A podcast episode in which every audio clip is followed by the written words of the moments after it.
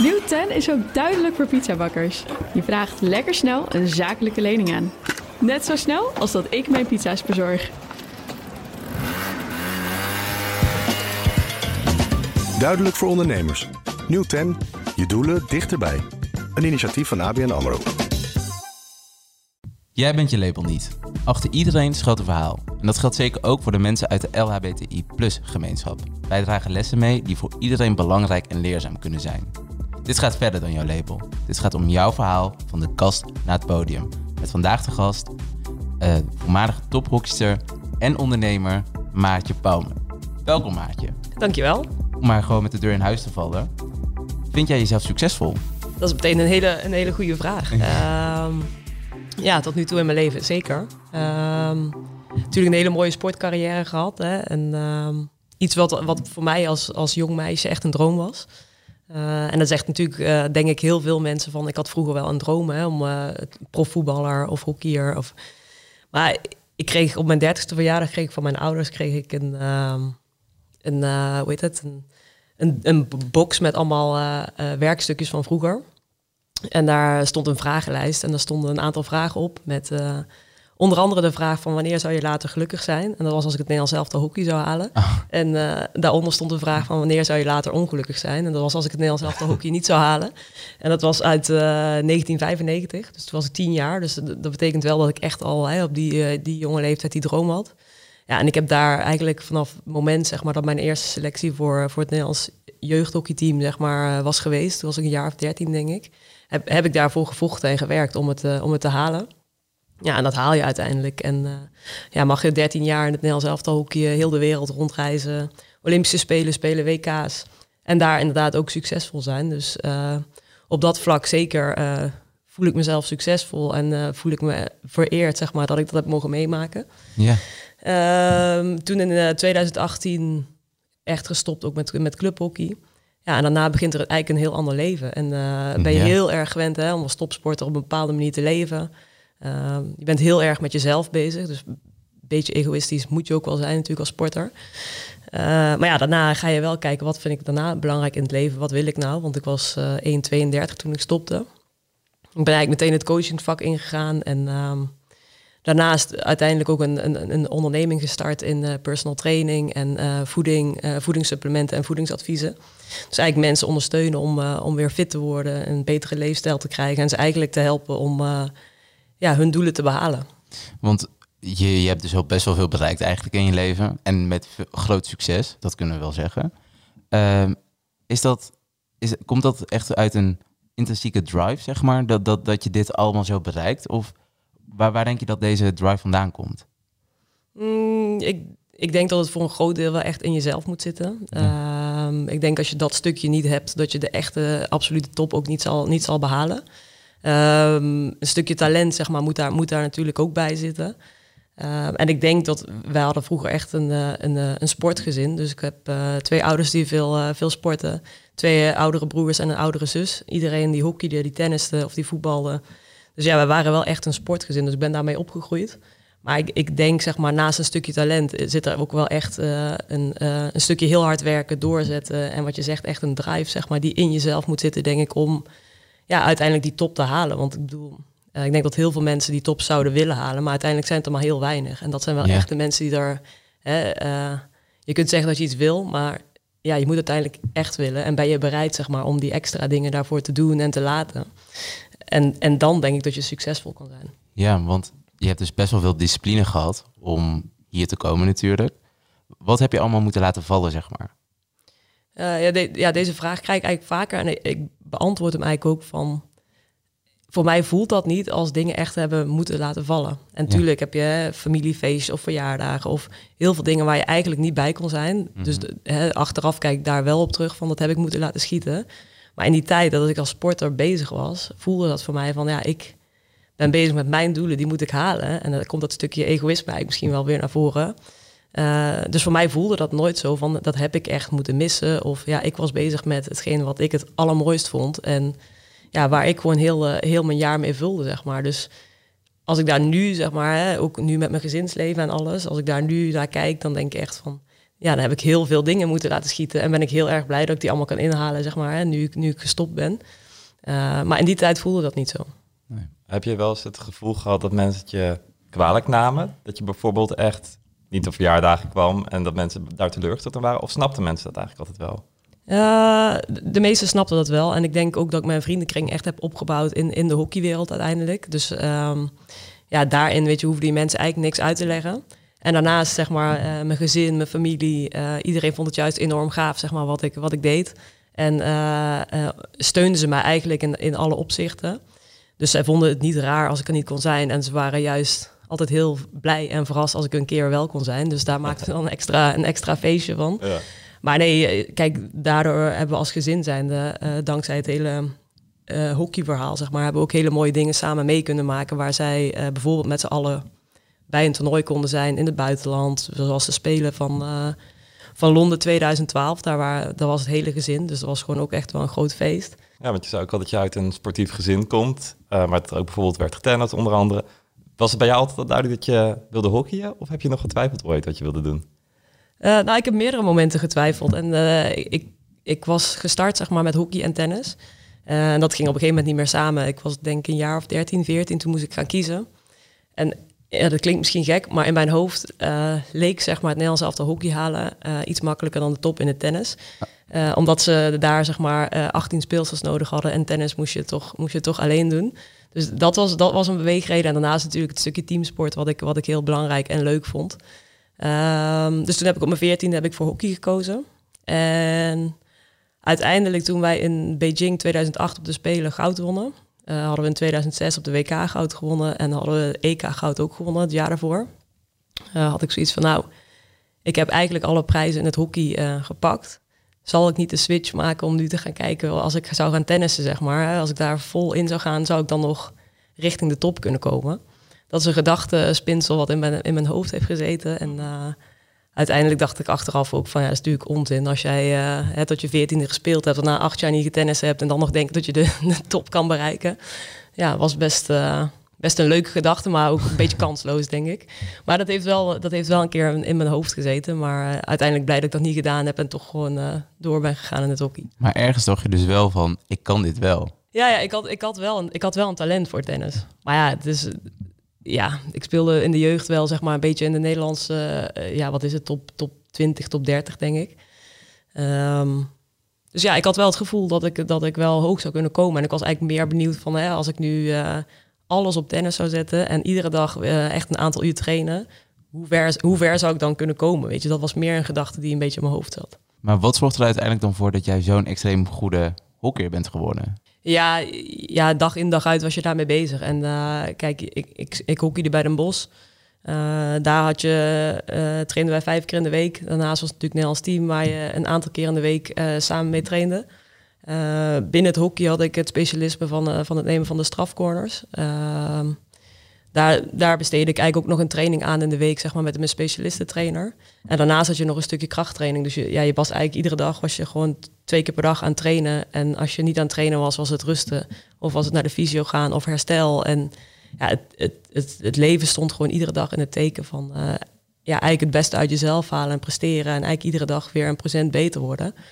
Ehm, dus ja, da- daarin zeg maar... ehm, denk ik zelf, denk ik als, als ik daar nu op terugkijk... heb ik in het begin best wel veel op mijn talent geleund, zeg maar. En eh, kwam ik op jonge leeftijd bij het Nederlands team. Ik was volgens mij 18, als ik me niet vergis. Ehm, ik had mijn strafcorner, zeg maar, wat mij eh, onderscheidt zeg maar, van, van andere speelsters. En ik vond het leven, zeg maar, naast hockey, vond ik op dat moment ook best wel leuk. Ik ging bij, eh, bij mijn ouders uit huis, ik ging in Eindhoven wonen.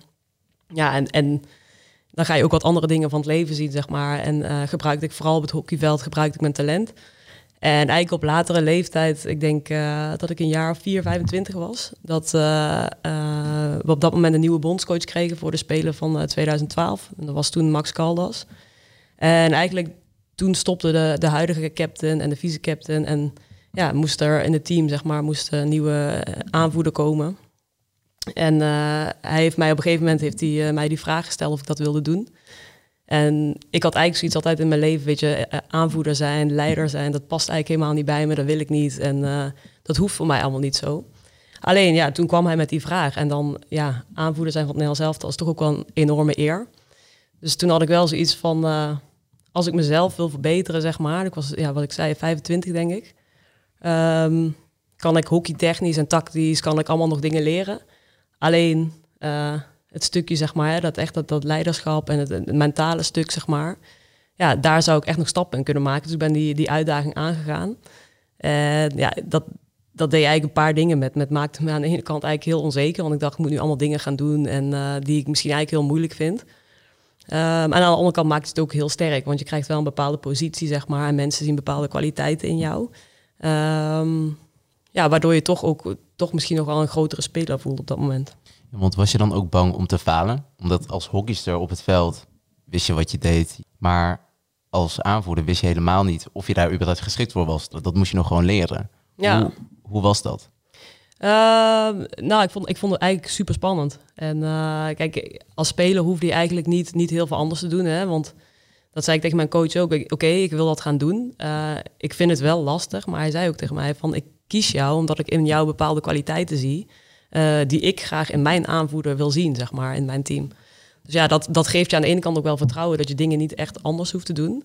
Alleen eh, voelde ik voor mezelf al, zeg maar... dat er een aantal dingen gingen komen die ik eh, moeilijk vond om te doen. Ehm, ja, wat jou eigenlijk iedere keer een beetje naar een grens duwt... om jezelf eigenlijk hè, te, te ja, hoe noem je dat? Uit te dagen eigenlijk. Ja. En ehm, ja, dat, dat heeft mij wel een aantal keren moeilijke momenten bezorgd. Wat waren dan die moeilijke momenten? Ehm, dat ja, eigenlijk eh, gewoon je, voor mijn gevoel, zeg maar, ik voelde me heel verantwoordelijk voor de groep. En ehm, ook verantwoordelijk ook voor de resultaten. En dat is eigenlijk heel stom, want je bent nog steeds dezelfde speler. Alleen hangt er nu een, een, an- een ander kaartje aan en dan, dan voelt dat meteen heel anders. Dus dat- dat was het met name. En daarnaast was ik heel perfectionistisch. Dus die dingen gaan best wel een beetje wringen, zeg maar, met elkaar. Hè? En ja, dan moet je voor een wedstrijd bijvoorbeeld even een heel stom dingetje. En dan kom je altijd bij elkaar nog even in een kringetje hè, eh, voordat de wedstrijd gaat beginnen. En eh, ik weet nog die eerste keer, dus zat ik echt de avond tevoren, s'nachts al na te denken in ja, wat ik in dat kringetje ging zeggen. Dat slaat nergens op, hè, want je komt nog één minuutje bij elkaar. Eh, je zegt nog even wat, het is meer om iedereen even op te peppen en je gaat beginnen. Ja, ik had een heel ding bedacht. Ik liep naar dat kringetje, zenuwachtig dat ik was. Hè. Maar uiteindelijk, ik zei iets heel anders. En weet je, het sloeg, het sloeg misschien helemaal nergens op. Maar dat, ja, weet je, dat soort kleine dingen. Terwijl in mijn laatste wedstrijd als captain, weet je wel, denk je daar niet eens over na. Nee. Je wandelt erheen, je zegt wat, weet je wel. En je ziet de hele groep kijken, ja, kom, we gaan ervoor, weet je wel. Dat, dat zijn zulke stomme kleine dingen. Pers te woord staan, eh, eh, altijd eigenlijk dingen benoemen in een groep, weet je wel. Dus je moet best wel... eh, ja, je bent er gewoon wat meer op de voorgrond. En dat was iets wat ik niet altijd eh ambieerde, zeg maar. Volgens mij kom je wel echt uit de gouden generatie. Jullie hebben echt heel veel successen gehad. Wat was voor jou de allermooiste winst of het allermooiste moment dat je hebt meegemaakt binnen, binnen de sport? Ehm, ja, wat je zegt, het is eh, gouden jaren geweest. Dus we hebben, wat dat betreft hebben we veel toernooien gewonnen. Als ik daar nu achteraf op terugkijk, kijk ik eigenlijk met het meeste plezier terug naar alle jaren. Weet je, ehm, hoe je als team iedere keer die stappen hebt gemaakt. Hoe je beter bent geworden, hoe je naar toernooien toe leefde. En misschien eigenlijk ook wel gewoon alle tijd, weet je wel, in de kleedkamer, alle grappen, weet je. Dus het gaat nog niet eens per se om alle beste resultaten, zeg maar, die je hebt gehad. En natuurlijk springen daar de, de Olympische Spelen, springen daar uit, de WK's. Ehm, maar voor mij persoonlijk, zeg maar, als ik terugkijk, zeg maar 2008 won we Olympisch goud. Toen was ik best wel een jonge speelster. Ik was, eh, ik denk 21. Ja, ik denk 21.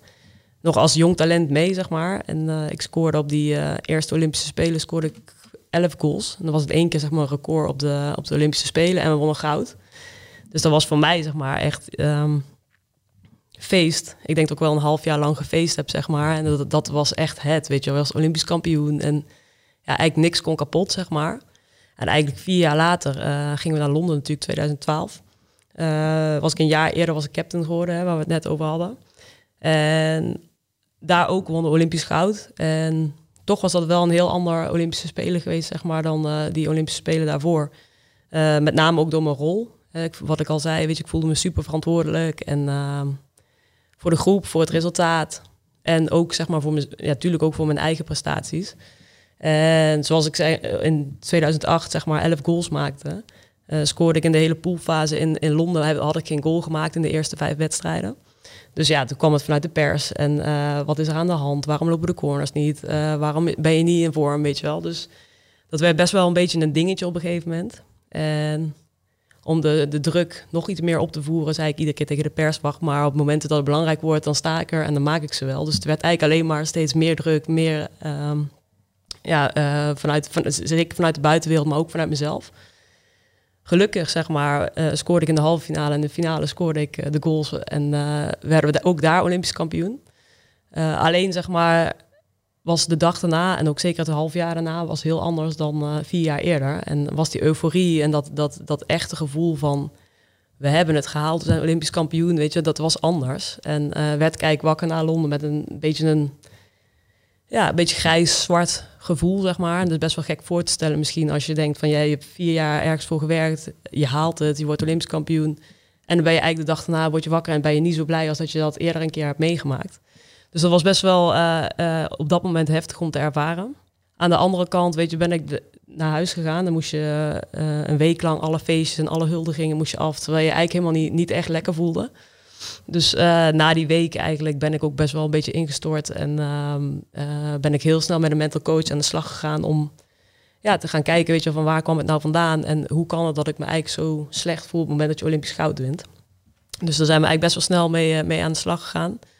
En na een paar maanden, weet je, had ik mezelf ook wel helemaal op de rit. Maar dat is best wel, best wel gek om te ervaren. Hè? En ik, ik denk als mensen dit horen, dat, het, dat ze ook denken van... oh, kan dat ook, weet je, als je Olympisch goud wint... dat je dan hè, eigenlijk helemaal niet zo blij bent als dat je, dat je eerder hebt meegemaakt. Op een gegeven moment ben je gestopt met je carrière. En als je hockeycarrière. Uh, en Harm Edens, die heeft een vraag voor jou gesteld die daarop aansluit. Ik ben bij Maartje zo benieuwd. Je hebt zo'n carrière als tophockeyster gehad. Het is in haar geval heel goed gelukt, inclusief Olympisch goud. Nou, veel beter kan het niet. Heb je je hele leven tot dat punt op moeten inzetten. En op een gegeven moment ben je klaar. Hoe krijg je nou hetzelfde zinvolle gevoel bij het leven wat daarna komt? Want die adrenaline mis je, die medailles, de applaus, noem maar op. Hoe hou je dat tweede deel van je leven, om maar zo te noemen, net zo fris en zinvol als het eerste deel? Ik moet wel zeggen, e- eigenlijk uh, het eerste jaar, misschien wel de eerste twee jaar was het heel gek, zeg maar, om te stoppen. Want je bent zo gewend, zeg maar, om, om 15, 20 jaar lang op een bepaalde manier te leven. Met echt, zeg maar, uh, bepaalde doelen die iedere keer waar je, waarvoor je werkt en die heel duidelijk waren. En ook heel duidelijk de weg was van, hè, zo ga je er naartoe werken, dit is er voor nodig en dan moet je presteren. Ja, dan valt dat in één keer weg. En natuurlijk wil je daar een bepaalde manier op voorbereiden. Maar echt voorbereiden erop kun je ook niet. Um, dus ik ben eigenlijk maar, ik, ik ben eigenlijk meteen het coachingsvak ingestapt met ook het idee van, ja, dit, dit zou ik leuk vinden. Hè, en dan ga ik eens kijken hoe dat gaat. En ja, ook een beetje kijken en ervaren of je het leuk vindt. Um, ja, en daarnaast eigenlijk ook meteen wat klusjes opgepakt, zeg maar, ook binnen het hockey. Maar ik ben ook gaan nadenken over hè, wat, wat, wat zou ik daarnaast eventueel nog leuk vinden buiten het hele hockey, zeg maar, om, uh, om te gaan doen. Was eerst eigenlijk altijd de gedachte dat ik heel graag een koffietentje of een, of een wijnbar zou willen starten. Uh, dat is er uit. En, ik zie jou kijken. Ja, geen dat, slecht idee. Dat, dat, is, geen, is, geen slecht idee. Uh, dus daar had ik ook echt wel serieus over nagedacht. Um, toen kwam uiteindelijk ook de, de coronaperiode eroverheen. En uh, is dat eigenlijk ook best wel weggevaagd. En is eigenlijk het hele andere plan gekomen om eigenlijk mensen te gaan helpen om doelen te bereiken en fitter te worden. Omdat we dat zelf gewoon heel belangrijk vinden. Hè? Dat, het, stukje voeding, het stukje bewegen, iets wat in deze tijd natuurlijk ook echt iets is wat, uh, wat een hele belangrijke zaak is. Um, zijn we eigenlijk aan nadenken, hoe kunnen we daar nou iets in betekenen? Had je het van jezelf verwacht dat, dat, dat dit jou voldoening zou geven uiteindelijk? Want je had dus net al gezegd dat je best wel egoïstisch ingesteld was, omdat je ook een sporter bent en gewoon je moet echt helemaal de focus op jezelf houden natuurlijk. Had je dit verwacht? Um, ja, ik denk het uiteindelijk wel, omdat als ik echt naar mezelf als persoon kijk, zeg maar, dan was ik voordat ik die echte topsporter werd, best wel eigenlijk een, een, een introvert meisje, uh, altijd wat meer op de achtergrond, dus en eigenlijk super sociaal. Maar kijk, op een gegeven moment, kijk, binnen, de, binnen een teamsport ben je nog steeds sociaal, maar je bent ook echt bezig om jezelf, zeg maar, hè, een plekje uh, binnen de selectie uh, ja, te werken. Je bent, je bent bezig om te presteren. Dus je, je krijgt op een gegeven moment een soort van ja, hoe zou ik dat noemen, overlevingsstrategie of zo, zeg maar, binnen ja. de topsport, waar gewoon bepaalde kenmerken of bepaald gedrag eigenlijk bij jou naar boven komt, zodat je weet van hè, zo kan ik presteren. En dat is niet altijd het, het, leukste gedrag en zeker niet voor, voor je omgeving, zeg maar, in die tijd. Maar ja, het werkt wel om, om te presteren. En eigenlijk vanaf het moment dat ik stopte, was het in het begin raar, maar het voelde ergens ook een soort van bevrijdend of zo, weet je wel. Dat je bepaald gedrag misschien wel niet meer nodig hebt of niet meer hoeft te laten zien. En dat je eigenlijk wel weer een beetje terug kan naar misschien wat eigenlijk meer bij je past als persoon. Uh, dus als ik nu ook kijk naar mijn eigen leven zoals ik het nu heb, denk ik, oh, het is echt heel relaxed eigenlijk. Ja. Buiten het feit dat je dan twee kleine kinderen hebt. maar maar het, het, het, de, dat die drukte af is en dat, hè, dat, dat echt uh, dat vechten eigenlijk, weet je, dat, ik vind het heel fijn dat dat niet meer is. Want je hoort bij topsporters wel vaak dat ze daarna last hebben van het zwarte gat. Dat klinkt niet alsof jij dat hebt gehad, maar ben je er wel bang voor geweest? Nou, ik heb, ik heb er wel, ik heb er zeker uh, wel aan gedacht. En ik heb het ook bij mensen om me heen wel zien gebeuren, hè, dat, dat, uh, dat, dat, dat dat wel is geweest. Ik was er niet echt bang voor, maar ik was wel... Ja, je bent gewoon zoekende die eerste twee jaar. En ik... Uh, ja, weet je, het, het, het, um, het coachingsvak was nou niet per se het allereerste waar ik aan dacht toen, ik, toen ik zou stoppen. Want ik dacht meer eigenlijk aan ondernemen en aan mijn koffiebar en mijn wijn, wijnbar en dat soort dingen. Maar ik kreeg die kans en ik had wel zoiets van dat ik ga er gewoon voor, want ja, ik heb dadelijk even niks. Nog, tenminste, nog niet meteen, zeg maar, als ik stop. Ja, laat ik dat, laat ik dat nou ook gewoon onderzoeken. Maar ja, dat echte zwarte gat, ik was er niet bang voor, maar je bent wel heel erg bezig van, oké, wat, maar wat ga ik dan wel doen? Ja. Misschien dat je daardoor juist, omdat je er al mee bezig was, een beetje was voorbereid.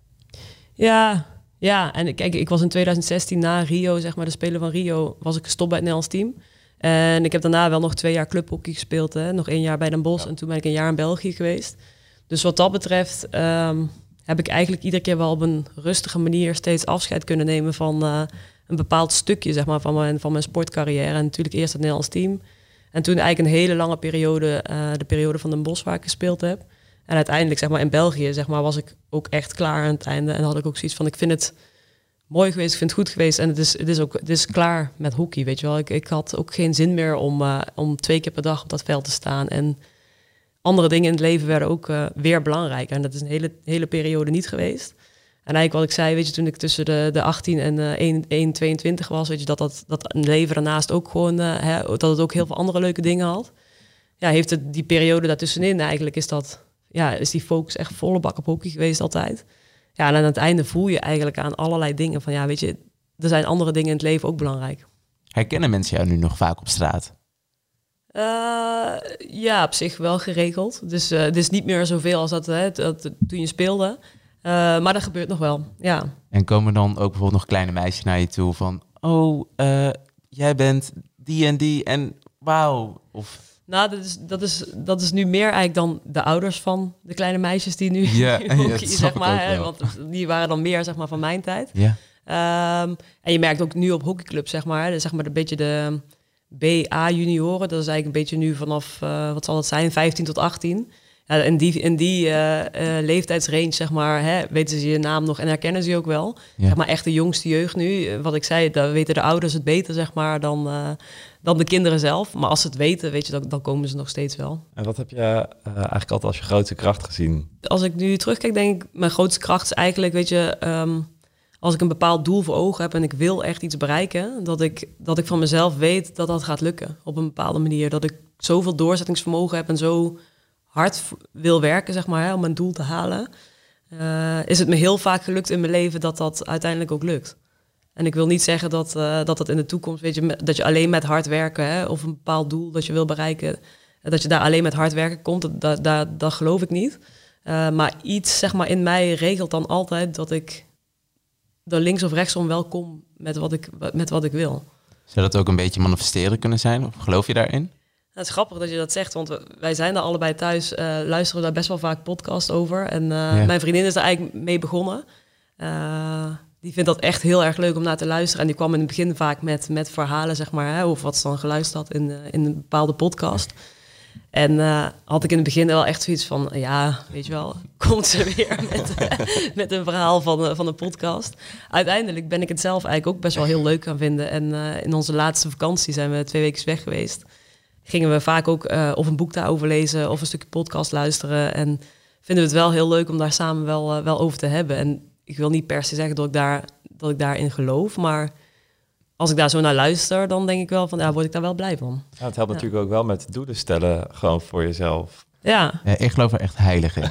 ja? Dat kan. Ja, ik heb het ook al uh, eigenlijk sinds kleins af aan. Dat ik, als, dat zei ik ook altijd tegen mijn ouders van... Dit en dit wil ik.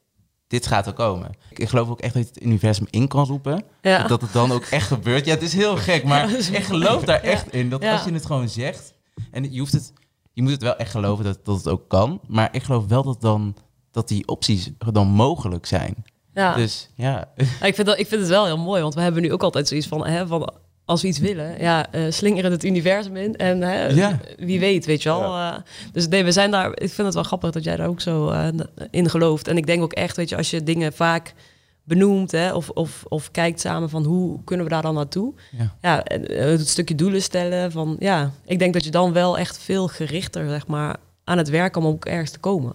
mis je het, het hockey op, op topniveau? Ehm, nee. Dat, dat heb je echt achter je gelaten. Dat, Ja, tuurlijk mis ik af en toe wel ja, het echt samen zijn, de, de, de grappen in de kleedkamer, het echte met, met een grote groep toewerken naar bepaalde doelen. Dat vond ik echt het allermooiste van, eh, van het stukje sport wat, wat ik gedaan heb. Want spreek je ook nog iedereen van, van, je, van je team nog? Eh, nee, niet iedereen. Eh tuurlijk wel een aantal. Met Ja. een aantal heb je gewoon een, eh, een hele mooie band opgebouwd. En ik denk uit iedere verschillende generatie heb ik altijd nog wel één of twee mensen die ik wel meer spreek dan, dan de rest, zeg maar. Maar het is wel leuk, weet je, als je een keer iets van een reunie hebt of je komt elkaar tegen ergens bij een wedstrijd een keer als je gaat kijken. Het is meteen weer zo als, als 10, 15 jaar geleden. Hè. Het is meteen dezelfde humor komt omhoog, dezelfde grappen. Dus dat is wel heel erg leuk. En ehm ze hadden volgens mij, ik denk een jaar of twee, drie geleden, hadden we een, ehm, een eh, reunie met een uh, Nederlands elftal van het WK van 2006. Dus van eh, die groep, daar speelde het eh, WK mee in eh, Madrid toen. Toen wonnen we goud.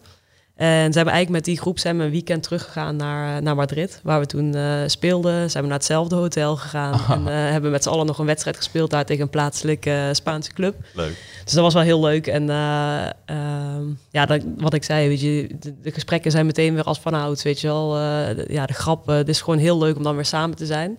En je ziet ook meteen, weet je wel, van... eh, ja, je hebt natuurlijk altijd een leeftijdsverschil, zeg maar, van tussen de 10 en misschien wel 12, 13 jaar, zeg maar, met de jongste en de oudste. Maar je ziet meteen de dynamiek eigenlijk weer terugkomen in, in ook in zo'n weekend, zeg maar. Als dat dat eigenlijk 15 jaar geleden was. Dus dat, dat is wel heel leuk. Dus de, ja, de, met sommigen heb je heel intensief contact. En met een aantal is dat gewoon eh, is het altijd leuk als je elkaar weer, weer ziet. Wat grappig eigenlijk. Dat, dat het dan in één keer zo boom. Dat, weer blijft echt is. precies hetzelfde. En dat vind ik ook wel grappig. Bij ons thuis bijvoorbeeld ook. Weet je wat ik vertelde? Ik had twee, eh, twee, ik heb twee oudere broers en een eh, oudere zus. Eigenlijk altijd als we samenkomen, is er meteen ontstaat er weer een dynamiek, zeg maar, die er hè, vanuit vroeger uit thuis ook eigenlijk wel altijd was. Nou, op een gegeven moment ben je uit de kast gekomen. Eh, hoe was je coming out eh, thuis? Ehm, ja, dat is een beetje leuk, best, best een leuk verhaal. Eh, ook, wel grappig. Ehm, maar ook aan de andere kant was het ook eh, voor mijn ouders denk ik in het begin best wel lastig. Eh, ik denk dat ik 21 was toen ik thuis, misschien zelfs 22, toen ik thuis vertelde zeg maar, dat ik een vriendin had op dat moment. Ik weet nog heel goed hoe dat ging, want we hadden een EK gespeeld zeg maar, met Nel elftal. En op dat moment, zeg maar, mijn vriendinnetje zat ook toen in het, in het Nederlands elftal. Eh hadden daar verder eigenlijk helemaal niks van gezegd. En eh, na het EK zijn we eh, samen een paar dagen weg geweest. En ehm, eh, toen heb ik mijn ouders een bericht gestuurd van... ik heb leuk nieuws, kunnen we morgen even bellen? En voor mij was dat leuk nieuws. Maar mijn ouders hadden dat helemaal niet zien aankomen. Ja. Dus ik had ze gebeld en ik had het ze verteld. En ja, die, ze vonden het eigenlijk best wel lastig. Dus ik had mijn moeder in eerste instantie in tranen aan de telefoon. En uiteindelijk mijn vader ook. Dus ik dacht van ja, wel op dat moment hadden we een hotel ergens aan het strand in Nederland. Ik dacht, oké, eh, ik had gezegd van ik kom morgen naar huis, dan hebben we het erover. Dus ehm, ik weet nog dat ik die dag daarna naar huis reed. En ik vond dat zo moeilijk, weet je. Want ik wist dat mijn ouders daar best wel moeite mee hadden in het begin. Ik denk ook omdat ze totaal niet, eh, niet hadden zien aankomen en niet hadden verwacht. En omdat zij natuurlijk, ze zijn een stukje ouder, eh, ook wel uit een andere generatie komen, waarin dat misschien toen nog niet zo, hè, nog niet zo normaal was dat je dat gewoon vertelde. Ehm, ik weet nog, volgens mij zaten we in Noordwijk of zo en ik moest naar, naar Limburg rijden, waar mijn ouders eh, wonen. Dat was 2,5 uur rijden en ik, ik denk dat ik nog nooit zo'n spannende rit van 2,5 Ja, uur nou. heb gehad naar huis. Dat ik dacht van, oh, wat ga ik nou eigenlijk zeggen en wat ga ik nou, ja. Terwijl ik denk, ik had helemaal niks hoeven voor te bereiden of wat dan ook. Ik had gewoon moeten zeggen hoe het zit en eh, hè, ze gewoon meenemen daarin. Ik weet nog dat ik Kim Lammers op een gegeven moment, eh, een teamgenootje van mij in ons team, had opgebeld. Want ja, die had dit al allemaal meegemaakt en die had dat thuis al aan de ouders verteld en die had een vriendin. Dus ik had zoiets van, ja, hoe, hoe had jij dat toen gedaan en wat heb jij toen allemaal eh, gezegd en hoe heb je nou voorbereid? Ik weet nog dat ik denk wel drie kwartier met haar aan de telefoon had, uh, had gezeten. En dat ze volgens mij mij wel tien keer had gezegd van... maak je nou niet zo druk en vertel dadelijk gewoon het verhaal zoals, zoals het is. Want het is niet gek of zo. Je ouders moeten er gewoon aan wennen. Nou, ik kwam thuis, het stonden mijn ouders allebei op de, op de oprit te wachten op mij. En uh, allebei wel een beetje een traantje in de ogen. Ja. En ze hadden wel zoiets van... Uh, ja, ze moesten er gewoon wel echt even aan wennen. En ehm, ik denk... Zeker mijn vader had er iets langer voor nodig. En die dacht op een gegeven moment ook... ja, in het Nederlands team zijn er toch meer hè, die dan zo zijn, weet je wel, is dat dan niet gewoon een fase? Ik zeg nee, pap, weet je, het is, het is wat het is. Het is mijn gevoel, ik, ik, ik ben er heel blij mee en ik voel me heel goed. En dat zagen mijn ouders ook wel heel snel. En wat dat betreft, weet je, hadden ze daarna eigenlijk heel snel geaccepteerd. En vonden ze het eigenlijk ook gewoon wel heel leuk. En is het heel normaal nu. En mijn broers en zus. Mijn zus was eigenlijk ook heel relaxed meteen. Die vond het ook, uh, die vond het ook helemaal prima. Mijn oudste broer had er ook heel even van nodig. En mijn jongste broer ook eigenlijk. En uh, meer zeg maar hun uh, vrouwen, zeg maar partners, die vonden het eigenlijk ook meteen van, hè, ja, wat maakt het uit? En het is leuk. En ja, gewoon helemaal goed en leuk. En wat dat betreft waren mijn broers ook best snel eigenlijk ook gewoon dat ze het oké vonden. Weet je, mijn jongste broertje had ook misschien volgens mij zoiets van, wat zal de rest daar dan van denken? En wij gingen vaker samen stappen. En hoe, weet je, hoe, hoe zal de rest daar tegenaan kijken? Ja. Maar iedereen was daar allemaal heel erg oké okay mee. En uh, heb ik ook eigenlijk thuis vrij snel laten zien, weet je, van ik ben happy. En ik had daar op dat moment ook snel gewoon mee naar huis genomen. En als je het dan maar gewoon laat zien, weet je, hè, dat, dat het allemaal goed is en dat het normaal is. En ja, dat jij op dat moment gewoon heel erg gelukkig bent. Ja, wie zijn zij dan, zeg maar, om daar uiteindelijk iets van te vinden? En zijn ze gewoon uiteindelijk blij, uh, blij voor jou? Ja, dat is het belangrijkste. Dat jij zelf gewoon natuurlijk gelukkig bent. Maar waar denk je dat die angst bij je ouders vandaan komt? Van, hè, van wat, wat zou iedereen in de omgeving, zeg maar, of vrienden of familie, wat zou iedereen daar misschien van kunnen vinden? Ik denk dat dat, dat een dingetje was. En ik denk dat ze gewoon ook wel echt even een momentje nodig hadden om het zelf te zien of te voelen, te accepteren, zeg maar. Ja. Maar ik denk met name van wat, wat vindt de buitenwereld uh, van dit? Ja, dat hoor je en, vaker. Misschien ook wel hè, dat ouders denken van ja, en hoe gaat dat dan in de toekomst? En ja, kun je dan wat trouwen? Kun je wel kinderen krijgen? Want je vindt kinderen zo leuk, weet je wel. Ik denk dat ze met name ook meteen, hè, daar ben je denk ik ook gewoon ouder voor. Van, ja, wat zal, zal, kan dat dan wel en zo, weet je. Dat waren de vragen, denk ik, die ook wel naar boven kwamen. Ja. Vond je het niet uh, ook best wel pijnlijk? Want wat je zei, je wilde vertellen dat je leuk nieuws had, maar dan heb je nou de moeder aan de telefoon.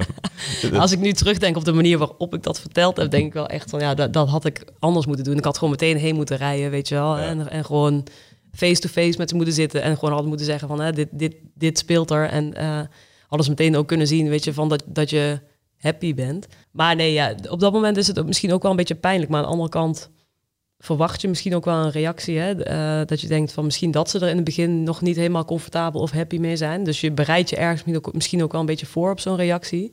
Terwijl aan de andere kant hoop je wel, weet je, want ik heb een goede band met mijn ouders. Van dat je dat je hoopt dat als je zoiets vertelt, dat ze eigenlijk meteen zeggen: Oh ja, tof, weet je wel, wat leuk. Maar ja, aan de andere kant hou je ook wel rekening met het andere scenario. En, en um, was dat op dat moment misschien wel een beetje pijnlijk. Maar aan de andere kant, weet je, had ik ook zoiets van: Mijn ouders zijn ook mijn ouders, zijn wat ouder, komen wat ik zei, uit een andere generatie. Uh, en hebben ze daar misschien iets meer tijd voor nodig. En gelukkig was dat geen maanden. En was dat wel al vrij snel dat, dat, dat, dat het oké okay was. En het is ja. ook niet zo gek natuurlijk dat ze daar tijd voor nodig hadden. Want laten we zeggen, bijna nou, 15 jaar geleden, 20, tussen de 15 en 20 jaar geleden, had je niet zoveel rolmo lesbische rolmodellen op tv of waar dan ook, waar je gewoon echt kon zien van, oh, het is heel normaal. Ja. En nu ben jij een van die rolmodellen gewo geworden. En nu kan jij dus eigenlijk het verschil maken voor een ander persoon. En dat is toch best wel mooi. Ja, dat, dat vind ik ook hoor. En ik, ik, ik uh, heb ook zoiets van, ik wil er ook gewoon heel open over zijn. Hè? Omdat, ik, omdat ik ook vind dat het normaal is. Weet Ja. je? En, en, en dat er misschien in deze tijd wordt het meer geaccepteerd. Maar aan de andere kant, weet je, hoor je nog steeds veel te veel verhalen dat het eigenlijk dat er ook dingen gebeuren wat gewoon niet oké is. Ja. En wil ik, wil ik ook gewoon laten zien dat, dat wij gewoon samen heel happy zijn. En dat in principe eigenlijk gewoon alles kan. En uh, dat, dat ik het ook gewoon voor heel normaal aanzie. En krijgen we daarop eigenlijk ook heel vaak hele mooie reacties van... we vinden het zo leuk, weet je wel, om jullie te volgen op Insta... of hè, om te zien hoe jullie leven gaat, om eigenlijk maar gewoon een inkijkje te hebben in ons leven. Hoe dat dan met, met twee vrouwen gaat en dat we dan toch ook hè, twee, twee prachtige kinderen hebben samen.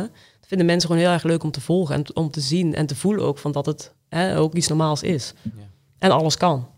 En alles kan zeker. Ja, ja. Zo zie je het, want eh, je Ja. wordt echt prachtig. Ja, Voor de luisteraars en de kijkers natuurlijk. Ze, ze heeft het heel goed voor elkaar. ja. Hey, en ehm, naast dat je gewoon voor je familie uit de kast kwam, je bent ook voor je team uit de kast gekomen. Op, terwijl je ook een relatie had eh, met een van je teamgenoten. Ja. Hoe werd daarop gereageerd? Ja, ik moet zeggen, die wisten het eerder dan, eh, dan mijn ouders. Dat was al wel duidelijk. Precies. Ehm, en die vond ik het eigenlijk ook veel minder moeilijk om te vertellen. En dat is misschien ook omdat ze dan hè, in jouw generatie zitten, in je vriendengroep zitten of in je team zitten. Ehm, en die het dus eigenlijk voor mijn gevoel veel normaler zouden gaan vinden, zeg maar, in een reactie dan misschien mijn ouders of mijn familie. Omdat die ook natuurlijk veel dichterbij staan, eh, vond ik dat veel lastiger om te vertellen. Ehm, aan het team hebben we het op een gegeven moment eh, verteld en die vonden het eigenlijk allemaal heel leuk. En ook mijn vriendengroep, weet je, niemand die daar eigenlijk gek gereageerd heeft of daar iets van vond. Ja, misschien vonden ze het wel, maar hebben ze het eigenlijk nooit, hebben ze het eigenlijk nooit, eh, nooit gezegd. Heb je trouwens ooit eh, op het veld naar een reactie gekregen op het moment dat mensen wisten dat je lesbienne was? Nee, eigenlijk nooit. Ehm, en ik denk ook, weet je, binnen, binnen de hockeysport, zeker bij het vrouwenhockey, zeg maar, heb je ook gewoon een heel aantal meiden, zeg maar, die eh, een vriendin hebben. Dat is wel grappig, want ik heb het met Savannah, mijn vriendin, ook best wel vaak over. Dat wij daar eigenlijk nooit, zeg maar, gekke reacties op ontvangen. Of dat als we samen over straat lopen, dat, dat mensen gek doen of naroepen of weet ik veel wat. Want jullie tonen wel in het openbaar affectie naar elkaar toe. Ja. Hand vasthouden, Ja. een kus. Ja, ja, absoluut zeker. En, en ja, ook eh, we hebben daarnaast, eh, weet je, een kleintje in de wagen zitten en eentje die ernaast loopt. Ja, mensen zien wel echt dat wij een gezin zijn. Dus eh, ja, nu, maar ook zonder dat we de kinderen hadden, liepen wij ook echt samen wel echt gewoon over straat. Dat iedereen kon zien dat wij samen waren. Maar dat is wel heel fijn. Ik bedoel, we weten allemaal dat er gewoon ook verhalen zijn dat het gewoon dat het niet altijd vanzelfsprekend is. Mm. Maar het kan dus wel. En dat Ja. is ook fijn om te horen, denk ik, voor de luisteraars. Dat het ook echt wel anders kan. Ja, en, en ge- gelukkig maar, hè, want eh, wat we net ook zeiden, weet je, van ik, ik kan me nog steeds niet voorstellen, weet je wel, dat het nog zoveel gebeurt in deze tijd en dat, dat, je er, dat we er überhaupt gesprekken over hebben. Hè? Dat, Ja. eh, dat vind ik nog steeds best wel gewoon eigenlijk onbeschrijfelijk dat dat zo is. En ben ik wel echt iemand die ervoor staat dat je gewoon moet kunnen zijn wie je bent en wat dat nou, wat dat nou uiteindelijk is, maakt niet uit. En ik vind het gewoon jammer dat, dat mensen daar altijd iets van moeten vinden. Ja, en je zei net, ehm, iedereen moet kunnen zijn wie die is. Ehm, maar je hoort ondertussen ook best wel wat dingen de laatste tijd over eh, transpersonen in de sport. Ehm, hoe kijk jij daar tegenaan? Vind je het een lastige kwestie? Ja, ik denk zeg maar dat dat misschien wel, als ik daar echt naar kijk, dat het misschien wel een, een niet, net iets lastige kwestie is. Omdat je in sport heb je natuurlijk echt altijd gescheiden vrouwen en mannen. Dus op het moment dat daar zeg maar eh, trans zeg maar zit, hè, of, of, of bij de mannen of bij de vrouwen, kan ik me wel voorstellen uiteindelijk, weet je, van eh, dat dat wel iets meer een probleem gaat opleveren. En ik ben benieuwd zeg maar, hoe ze daar in de toekomst mee omgaan. Want ik weet niet of dat nu echt al vaak voorkomt zeg maar, in de topsport. Of dat, of dat al zo is. Het begint wel steeds vaker voor te komen. Ja, ik geloof, dat, ik geloof het ook wel. Ik heb nog niet echt een, een, een voorbeeld of zo van in mijn hoofd dat dat, dat, dat nu recentelijk is geweest of zo. Uh, maar ik kan me voorstellen dat dat wel, uh, want het vrouwenlichaam en mannenlichaam is natuurlijk wel echt anders in kracht en is anders opgebouwd. Uh, dus ja, ik kan me voorstellen dat het wel lastig is om, om als je echt aan die, aan, die, aan die wereldtop staat, ja, wat dan? Ja, want je gunt het natuurlijk wel iedereen dat ze gewoon. Ja, dat je wel, ja, ja. ja. en dat je en dat, wat je zei, hè, jezelf kan zijn. Um, maar ja, als je, als jij dan inderdaad hè, topsport wil doen, ja, en daar zitten bepaalde regels en grenzen aan, wat, wat ik me ook kan voorstellen, ja, dan kun je toch niet helemaal dan hè, jezelf zijn. Hoe is het om samen met je vriendin een uh, eigen onderneming te hebben? Ja, superleuk. Ja? Ja, superleuk. Ja, dat was, dat was echt iets wat wij samen op ons lijstje wel hadden van, hè, dat willen we doen. Want eigenlijk zijn we, ja, ik lieg er eigenlijk niet om. Eigenlijk zijn we het liefst gewoon samen en ondernemen we het liefst gewoon samen. En doen we alles het liefst gewoon samen. Uh, dus was dit wel echt iets van, uh, ja, dit willen wij heel graag. En is het ook wel leuk dat je bepaalde verschillende krachten eigenlijk van elkaar gewoon kan inzetten binnen, binnen je onderneming. En zij is daarin uh, gewoon best wel creatief en heeft altijd gewoon hele leuke ideeën, zeg maar, om te doen. En ik ben meer zeg maar, van het uitvoerende en echt naar, naar de doelen toewerken met de manier zeg maar, ja, die we dan samen wel bedenken. Ja. Uh, dus dat is, wel, dat is wel echt heel leuk. Vindt ze het trouwens niet erg dat we nu hier binnen zijn met schoenen? Want ik, ik kan me nu herinneren dat in een interview heb jij gezegd dat ze het niet leuk vindt als jij met schoenen binnenloopt. Moet je niet zeggen, hè, want ik heb ze nu wel aan. Oh, dit, dit knippen. Ik zag er net even, want volgens mij had ze net pauze, dus ik kon het aangelopen. Moet je niet zeggen. maar ik zal zo over dweilen, dan is prima. Als koppel van hetzelfde geslacht, eh, hebben jullie daar lang over na moeten denken om eh, te beginnen aan kinderen? Of was dat gewoon iets wat heel natuurlijk is gegaan? Nee, dat, dat was bij ons eigenlijk vrij snel. Uh, we hadden er ook heel snel al gesprekken over, eigenlijk toen we pas samen waren. Ja. Um, omdat we dat allebei eigenlijk heel graag wilden. En ja, met twee vrouwen moet je daar op een bepaalde manier natuurlijk wel samen over nadenken. En uh, ik ben wat ouder dan dat zij is. En ja, heb je het wel met elkaar over bepaalde dingen, of je bepaalde dingen wel of niet wil. En wij willen allebei heel graag kinderen.